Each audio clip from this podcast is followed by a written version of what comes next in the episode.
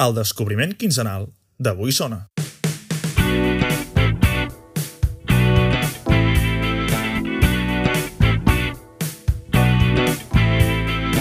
Molt bones a tots i a totes. El meu nom és Marc Serrano i això és el descobriment quinzenal d'Avui Sona. Un podcast en el que cada 15 dies es presentarà al públic un nou treball o obra musical d'algun dels artistes dels països catalans amb la seva ajuda. En aquest primer episodi tindrem amb nosaltres el músic mallorquí Antoni Molet, conegut artísticament com Amulet, que ens explicarà tots els detalls i curiositats que l'han portat a compondre Un desert de colors, el seu disc de debut.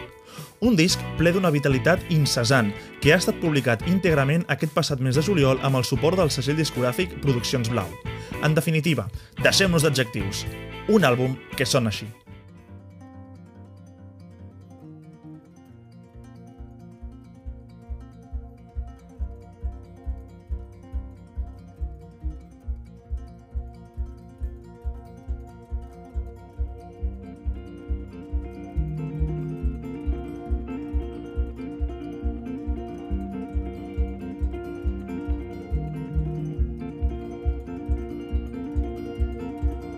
Quan sa vida no te dona direcció i quedes vagant en un rumb estrany i te trobes ben enmig d'aquest camí no pots recordar cap on vols anar. I una mà de boira deixa lloc en aquest immens desert de colors i tu i jo des del lloc més alt del món. Per un instant units en un sol cor en un sol cor. I partint de certes revelacions has retornat en el teu valor Ara vas camp a través a l'horitzó, fora pensar que esperava tu. I sa lluita que abans dues a sa pell i alimentava somnis d'ocell. Ara guia altra vegada el teu camí, tan costa amunt el teu destí. I una mà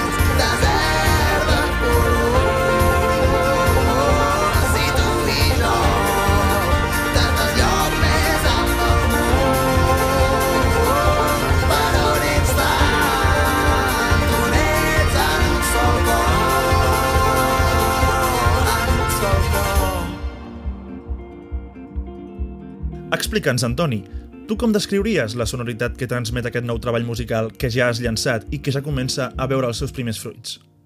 aquest disc, o sigui, per, per jo ha estat com a, descobrir una mica quin és el so de Mulet, no? perquè veníem de...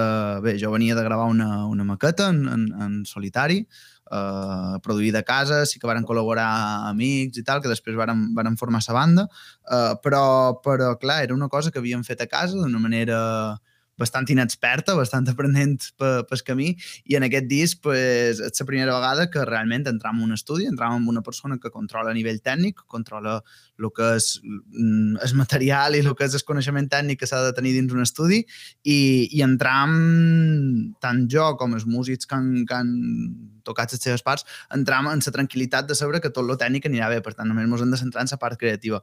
I, i a part, en, en Jaume de Tramuntana és un tio que té molt bon gust, que, que, que controla a nivell de producció, té, té, té les coses molt clares i crec que eh, eh, és una mica, sobretot si l'escoltes cronològicament, que no és com està ordenat en els discos, sinó, si, sinó que escoltes a mesura que vàrem anar traient senzills, eh, crec que se nota una evolució, no? Se nota com hem anat descobrint el nostre so una miqueta, i crec que bé, jo m'agrada presentar-lo que és com la nostra paleta de colors, no? Que és la paleta, un pintor tindria els seus colors que utilitza, i igual per aquest quadre n'utilitza uns i tals, i de amulets són aquests colors, no? És, és aquest, una mica aquesta, aquesta mostra d'estils que tenim ara mateix i, i una mica quines són les nostres eines, el nostre cinturó per, per entrar realment a, a currar i a, i a mostrar el que, el que feim. En aquest sentit, Antoni, en què t'has inspirat? Quines han estat les teves principals influències per definir aquesta paleta de colors que ens expliques que conforma la sonoritat d'aquest disc? A nivell estilístic, sobretot, crec que és, crec que és molt important perquè eh, o sigui, jo escolto, escolto molta música, no? però és vera que quan entres a gravar un disc i tens una idea d'un so uh, a dins el cap, pues, vas cercar quines són les influències que te poden ser més útils aquí, perquè, evidentment, escoltant moltíssima música i podríem posar-nos a xerrar de qualsevol estil, però en el final, per jo, les influències més heavy, jo cercava fer uh, a nivell estilístic una cosa que, que s'allunyés una miqueta de lo que teníem aquí en el panorama, que, que crec que això és, és, és una cosa que s'ha de tenir en compte i, i a la vegada que fos una cosa que a mi m'apassionés i m'interessés i, i ulti, els darrers anys m'haig aficionat molt uh, a grups com Manfred Sons. Manfred Sons els he escoltant de feia moltíssim de temps, però sí que vaig començar descobrint més grups d'aquesta escena des, de, des de, dels darrers anys que vaig, que vaig estar estudiant a Lleida uh, amb un amic, doncs, varen començar a, a introduir tot, tots aquests grups i tal, varen començar a descobrir una mica això i, i per jo crec que és això, jo crec que és un folk amb arrel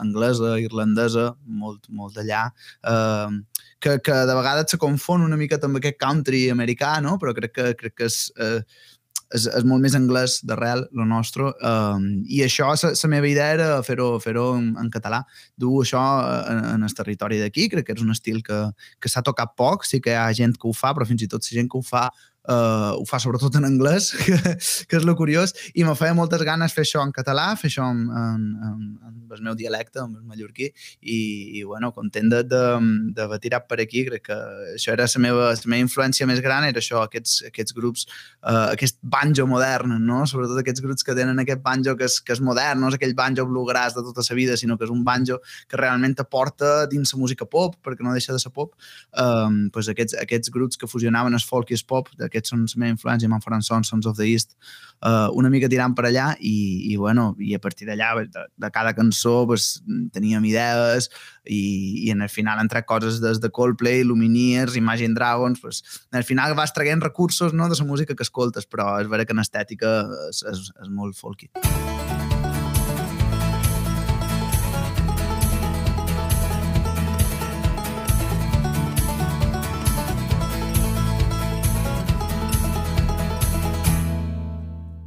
I pel que fa al títol de l'LP, d'on va sorgir? Quin és el significat ocult d'aquest desert de colors? Sí, jo, um, hi ha una cosa quan, quan faig cançons que m'agrada molt, que és que sus de, de la contradicció, sus de, de, de, del contrast, no? És a dir, crec que, crec que és molt, molt interessant fer les coses que no siguin monòtones, que no siguin tota l'estona igual, sinó que vagin, vagin tenint aquest contrast entre fort i fluix, agut i greu, i, i aquesta, sobretot, ho vàrem explorar molt en aquesta, en aquesta darrera cançó, Un desert de colors, vàrem, vàrem estar explorant molt això, aquest, aquests contrastes. I, i la veritat va sortir, va sortir uh, uh, dins la lletra de la cançó, la veritat jo les cançons a vegades me fa ràbia no, no, que no sóc capaç d'escriure-les amb, un, amb una intenció prèvia, sinó que vaig escrivint i després dic, ah, ostres, mira, això funciona per això, això funciona per allò. I, i les lletres sí que és vera que és una mica més descontrol, en el meu cas, que és com a escric, escric, escric, i de vegades surt, surt una cosa que, que puc utilitzar. I m'ha sortit això de desert de colors que m'ha agradat per, perquè és un oxímoron, no? per naturalesa, que és, és contradictori, perquè un desert no té tants de colors. Normalment un desert és d'un, dos, tres colors. I, i aquesta idea, aquesta contradicció dins, dins els propis títols, la veritat és que, que m'ha agradat molt. I després aquest, aquest lligam no, una mica amb, amb, amb el que hem fet, crec que realment el títol d'un de desert de colors descriu molt bé el que és, el que és aquest disc, perquè realment ha estat ha estat això de, de, de lo que teníem i d'anar-ho anar dibuixant, anar-ho colorejant, anar-ho anar ampliant fins que hem tingut una cosa que, que crec que és diversa, crec que és um, representativa una mica de, de, de, de totes les eines que, que, que hi ha damunt la taula amb l'amulet.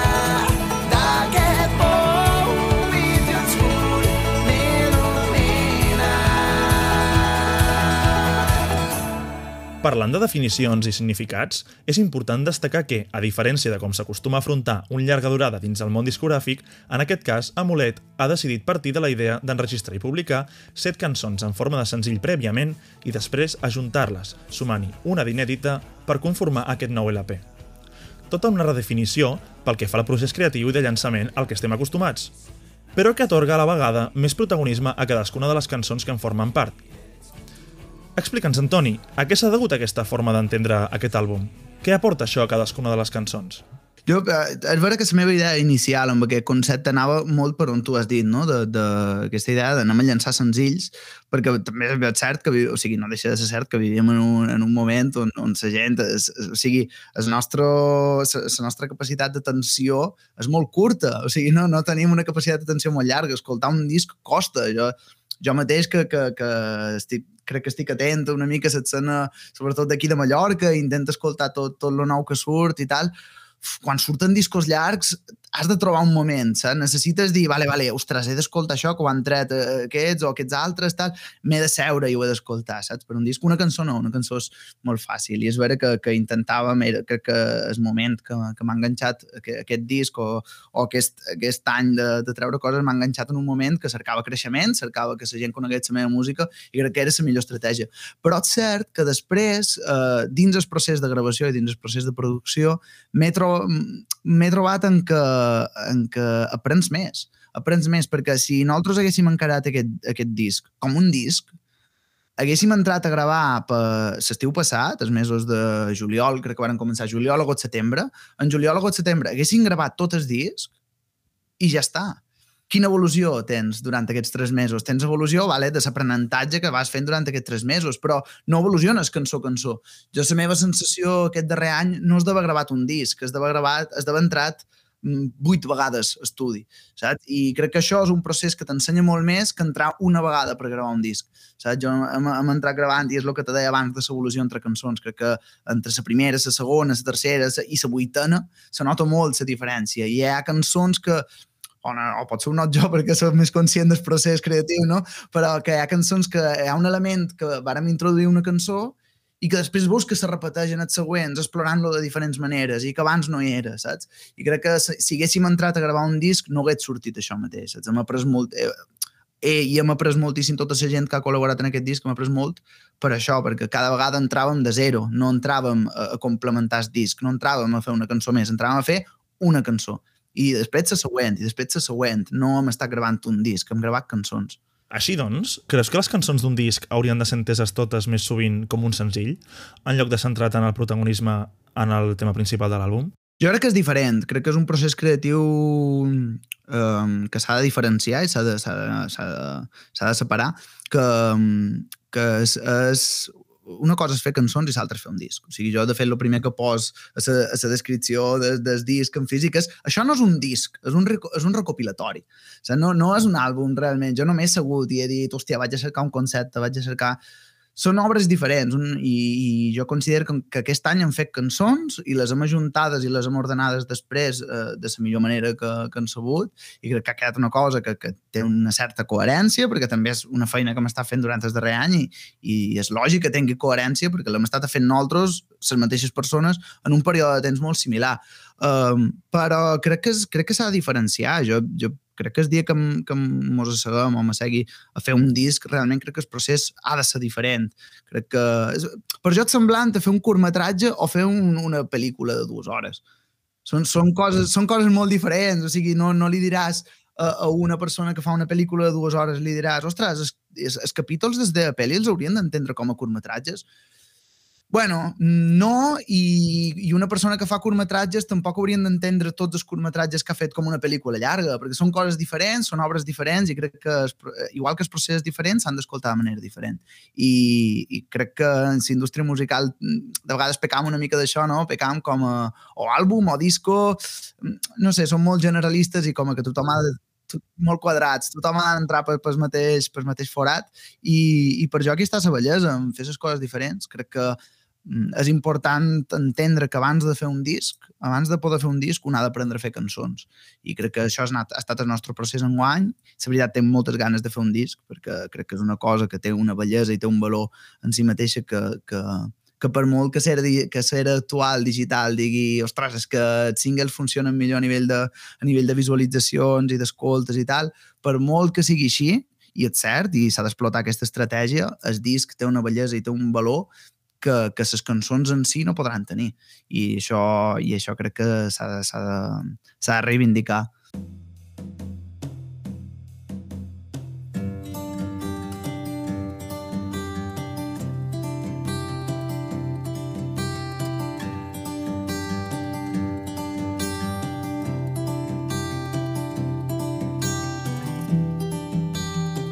És impossible de xifrar el teu cos nu.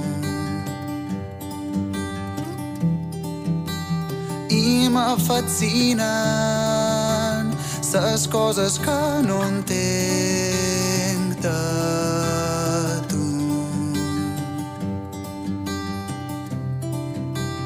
I he arrossegat pel món i has davallat del cel per acabar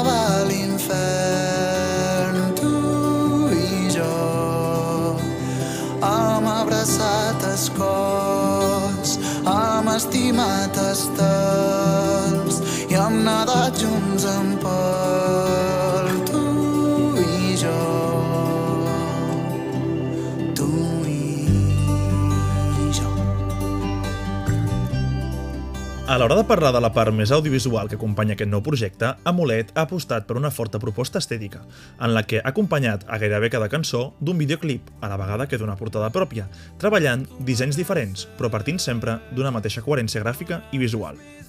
Escolta'm, Antoni, a què s'ha degut aquest fet d'acompanyar d'art visual tot el producte sonogràfic que has presentat? Això, això se deu també en el fet de que ara xerrin plural moltes vegades i no xerrin singular, no? Perquè és que hi ha un equip, hi ha un equip molt heavy darrere cada cosa. En plan, Arnau Fernández de les portades, la veritat, ha estat fent un currazo increïble i crec que creixerà i farà feina per més gent perquè la veritat és que té, té una capacitat de... de té, té un bon gust i un saber fer que, que crec que és impropi per una persona que fa tan poc temps que se dedica a la indústria. Uh, no, la veritat és que ho fa, ho fa molt bé i, i en tema vídeo, pues, en, Uh, sí que és cert que, que gran part dels vídeos, mm, bàsicament per tema, per tema econòmic, perquè és, és una cosa que és cara i quan dus un any gravant estudi, gravant videoclips i tal, arriba un moment que no surt, l'hem estat fent pel nostre compte amb, amb, amb una companya que és na Pilar, que està també fent les primeres passes dins el món del cinema, però, però també van gravar el primer videoclip amb en Rubén Capillo, que és un altre titan de, de, dels videoclips i que també està fent molt bona feina amb, amb molt d'altres artistes. Vull dir, hi ha tot un conjunt de persones que, que jo crec que això al final és, és el més important, és a dir, tu pots fer molt bona feina tu tot sol, que si al final no te'n revoltes d'un equip de persones que facin molt bona feina i en les quals estiguis a gust, serà difícil que, que realment surti un producte de qualitat i crec que això també és de, de reivindicar sense Arnau, sense en Capilla, sense en Jaume a, a Tramuntana, sense en Pilar no seria el mateix aquest disc i probablement no tindríem el, el mateix valor. Al final um, és això, és ajuntar-te amb persones i, i el món dels, dels videoclips la veritat és que uh, me, sembla, me sembla molt interessant i, i sí que vaig voler apostar uh, en guany per, per, per fer molta feina i crec que seguirem perquè penso que de vegades és una cosa que, que se passa com a molt per sobre com a ah, bueno, he de fer un, una cançó, doncs pues necessito una portada i necessito un videoclip. I, i com a dius, necessit, en lloc de pensar què podem fer de videoclip? En lloc de dir, què me fa ganes fer de videoclip? Realment vull fer un videoclip d'aquesta cançó? O igual d'aquesta no el faig i el faig de la següent, perquè m'agrada més? O necessito fer una portada d'aquesta cançó? Vale, necessito una portada, però què vull fer de portada? Què, què m'interessa que hi hagi aquí, saps? I una mica encarar aquests processos que de vegades molt semblen mecànics, no? De dir, ostres, ja he fet la cançó, ja he fet la feina creativa, ara me toca, pues, lo quotidià, no lo mundano, no? Cercant portada, fent videoclip. Ostres, són feines creatives que són molt importants i en les quals se pot donar, t'hi pots perdre molt de temps i, i, i anem a donar-los el temps que se mereixen, anem a donar-los un valor extra que la gent que, que s'aturi a, a mirar-ho, s'aturi a parar atenció, que, que també trobi que han fet alguna per elles, no? En aquest nou LP, Amulet ha treballat per primer cop amb el reconegut segell mallorquí Produccions Blau, que ha produït al llarg de la seva història artistes tan sonats de ses illes com Maria del Mar Bonet, Tomeu Penya o Joan Miquel Oliver. Mm, digues, Antoni, com ha estat aquesta experiència? La veritat és que, és que des de Blau m'ho han posat sempre tot molt fàcil, no? És, és, és, una, és una és una tranquil·litat, no? Fer feina amb, amb gent que, que, que saps que ho tenen tant, tant per mà i que, que, que no, que no t'has de preocupar tu de res, saps? I, I crec que això, en el final, són aquestes petites coses que de, de vegades no t'aporten tant a nivell creatiu o no t'aporten tant a nivell de concepte del projecte, però te donen la tranquil·litat per poder explorar més allò, saps? I, i jo la veritat és que no, només tenen paraules bones tant, tant per Nanita com en Miquel Àngel, que són amb els dos que he tractat de, de, de blau i, i de, de, des del primer moment se varen, varen estar super, super a saco, super in, amb amb el disc, amb, amb, amb en general i, és, és, és, un, és una experiència de tranquil·litat, saps? No, no, tampoc l'esperava d'una altra manera, no esperava ara que, que, que fos una explosió d'èxits i tal, perquè al final l'èxit ve del treball, no, no, ve de, no ve de treballar amb qualcú, ve de, ve de, de, de, de currar i de, i de tenir sort en el final, perquè aquest món és una mica així, però, però sí que és cert que la tranquil·litat que te dona i, i, i aquesta, aquesta pau de, de saber que allò està bé, que tu no t'has de preocupar, que, que si tens qualque problema envies un missatge i està solucionat, aquesta tranquil·litat, la veritat és que s'agradeix moltíssim i, i en blau ha estat, ha estat molt fàcil.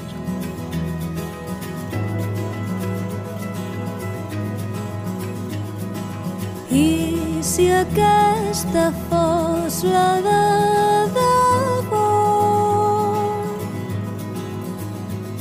i si tinguéssim l'última ocasió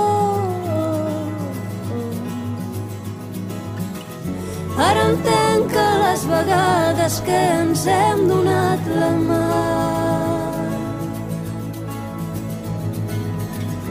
Era perquè els dos teníem tantes coses per donar però eren les coses de la Aquest esperit col·laboratiu i de treballar en equip també s'ha mostrat en aquest treball a l'hora de convidar companys i companyes de l'escena perquè hi aportessin el seu granet de sorra. Com hem pogut escoltar en aquest breu tros del tema Per sentir-te respirar, l'artista mallorquí ha volgut incorporar algunes veus que aportessin noves sonoritats tímbriques en algunes d'aquestes cançons, i d'aquesta manera, al llarg del disc, també es pot escoltar cantar a la Raquel Lua, en Changuito i en Pau Frank, cantant del conjunt OR, a més del mateix amulet. Per jo, um, crec que és, és de fi... o sigui, són una mica, mostren una mica la relació que té amb el panorama, no? Un, un grup. Crec que les col·laboracions en general són això. Tu quan veus uh, artistes que col·laboren entre ells, que un apareix en el disco de l'altre, que després, no sé, que, que hi ha aquest corrillo, veus que hi ha bon rotllo, saps? Veus que hi ha aquest, aquesta família no? dins, dins indústria, perquè en el final uh, és, un, és una batalla que moltes vegades sembla que fem tots sols i el final mires a de vora tu, mires una mica cap al teu costat i hi ha una altra persona que està el mateix punt que tu, que s'està pegant de cops contra la mateixa paret i al final junts, junts fa la força, no? I crec que aquestes tres col·laboracions representen una mica es, es, el panorama amb el qual l'amulet està relacionat, que en el final de, darrere aquesta, aquesta primera cara de concerts i de col·laboracions i tal, hi ha tota una xarxa que, que, que treballa i que fa que tot sigui molt més fàcil també.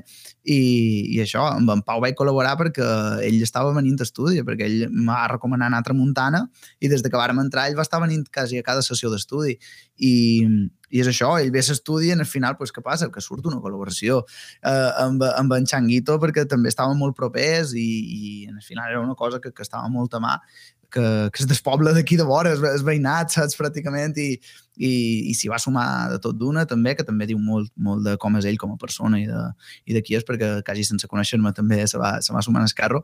I en Raquel és com el meu altre món, no? Perquè jo és vera que vaig tornar aquí a Mallorca fa, fa uns anys i en la gent d'aquí estic establint moltes relacions i és un món que, que m'encanta, però jo he estat molt anys uh, a Catalunya i també he generat la meva xarxa allà, no? I, i crec que en Raquel a part de la que té, que és, que és, que és increïble. O sigui, hi ha, hi ha persones que te transmeten que te transmeten sense, sense quasi, quasi intentar-ho i, i ella és, és una d'elles, és, és increïble i, i a part això representa una mica la meva relació amb, eh, amb el món musical a, a Catalunya, és una mica la la persona que m'ha venint al cap quan, quan vaig pensar d'això i, i això són una mica aquestes tres col·laboracions que cadascuna aporta una coseta, una coseta concreta, a més a la cançó que, que està triada per ells, a més, que crec que això també és molt important, triar la col·laboració en funció de, en funció de la cançó que ha, de, que ha de fer. I, I no sé, jo crec que són un, un, una bona representació d'això i en ganes també de, de, de seguir col·laborant, perquè crec que és una de les parts més, més guapes d'aquest procés.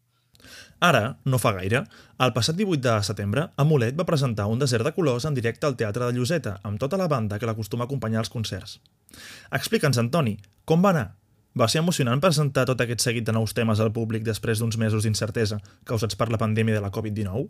Era, era un concert que, que feia, molta, feia molta il·lusió eh, i que, que també se m'ho va anar una mica de ses mans perquè va, van muntar una cosa enorme enorme, o sigui, era, era, era un gegant el que hi havia damunt l'escenari, d'això que de vegades se te descontrola i te, te fa un caos. Però la veritat és que va, va sortir molt bé, o sigui, tots, tots els músics que varen estar damunt l'escenari són, són músics excel·lents i tenc aquesta sort també de, de, de, de comptar amb ells.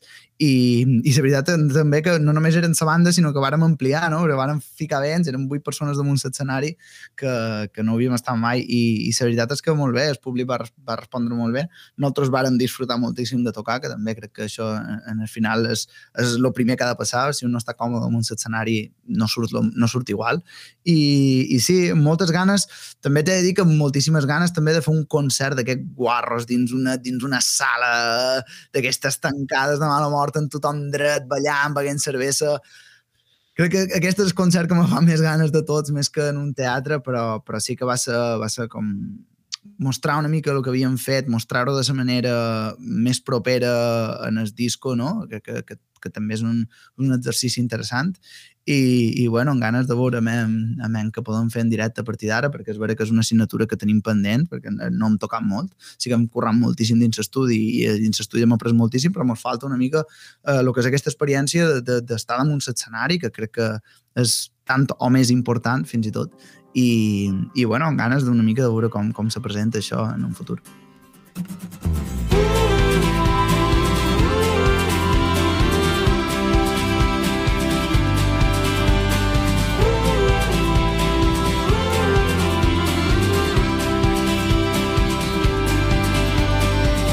Avui de cop me n'he temut, ja no recordes teu perfum els teus aromes. I quasi no puc recordar aquelles nits vora la mà cantant plegades escrivíem versos intranscendents però plans de veritat que ses cuines d'aquesta illa estan plenes d'històries.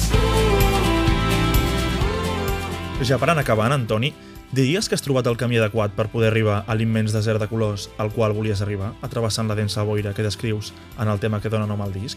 Um, sí, més, més o menys sí. O sigui, jo normalment intento no fer plans molt, molt a llarg plaç perquè les coses canvien i sempre un ha d'estar obert a adaptar-se a la situació que arriba, no?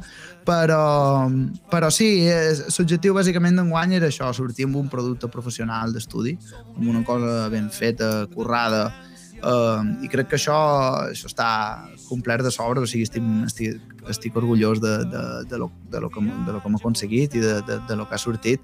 I, i la veritat és que també han, han arribat moltíssimes coses que tampoc m'esperava que arribessin, com a sortir amb un equip de, de, de persones consolidat, que això per això és més important això que sortir amb un disco, pràcticament, perquè eh, sortir amb un equip de persones que ja te coneixes, que ja saps fer feina i que saps que el següent que, que ens posem a fer estarà bé, segur, eh, això te dona, te dona mm, allò, espai per pensar molt més amunt, saps? I crec que ara l'objectiu serà, eh, en les persones que som, fins on podem arribar, a veure què podem fer amb aquestes persones que som, a veure qui, com de bo ho podem fer, com de guapo ho podem treure i, i, i a tope allà anar a intentar treure la millor música que puguem, a intentar fer-ho el més guapo que sapiguem i, i crec que així és quan, quan les coses valen la pena i quan, quan al final la gent diu ostres, aquest grup m'agrada, o aquest artista m'agrada. Al final és quan, quan passa això, quan hi ha gent que, que, que té passió per això, que s'ho passa bé fent-ho, que està còmode treballant tots uns amb els altres i que a més eh, ho fa bé i crec que això és l'objectiu d'ara, fins on podem arribar, tant en directe com en disco, com en gràfic, com en la part de videoclips, tot és, és créixer i, i veure fins on.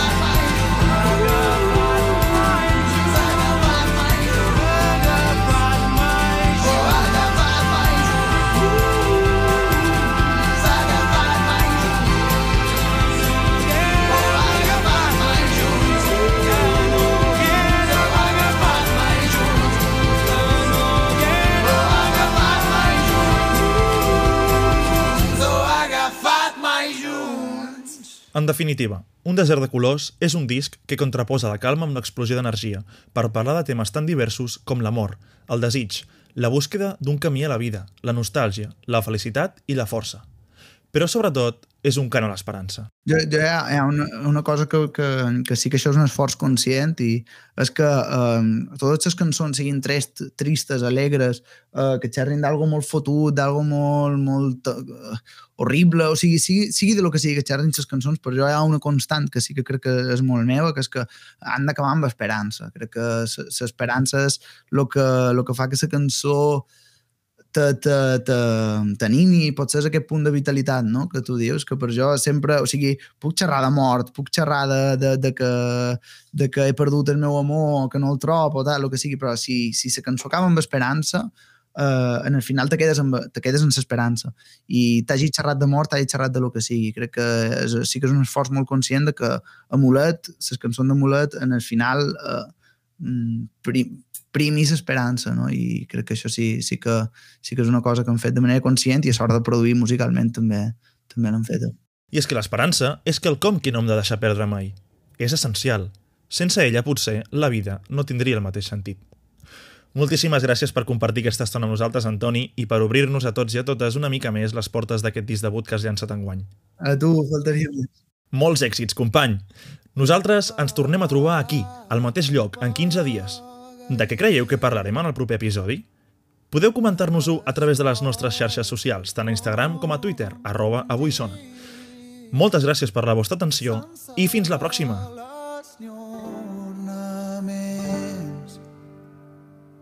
I remant contra corrent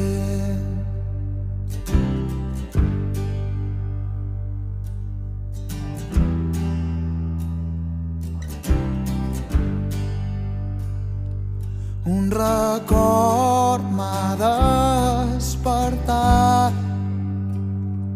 I ses passes m'ha guiat a un estrany i dolç camí. Família com els destí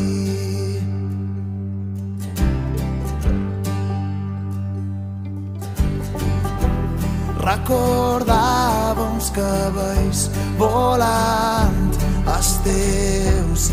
Recordava solo dels dies clars. Recordaves plaer de ser un infant.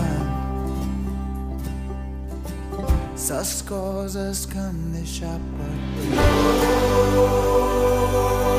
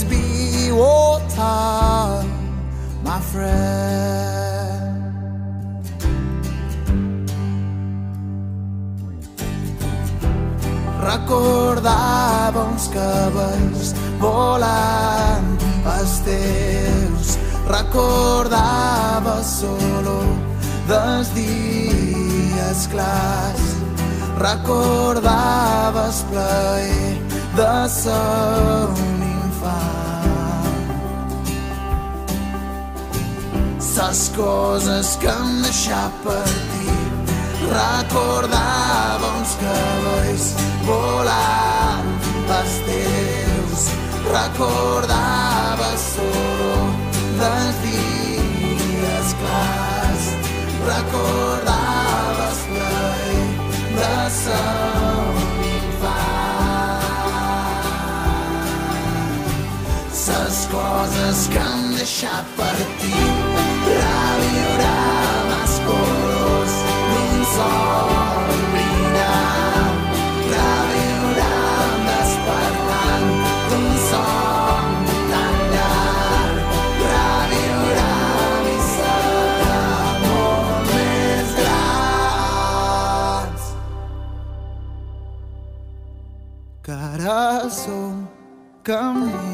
de tu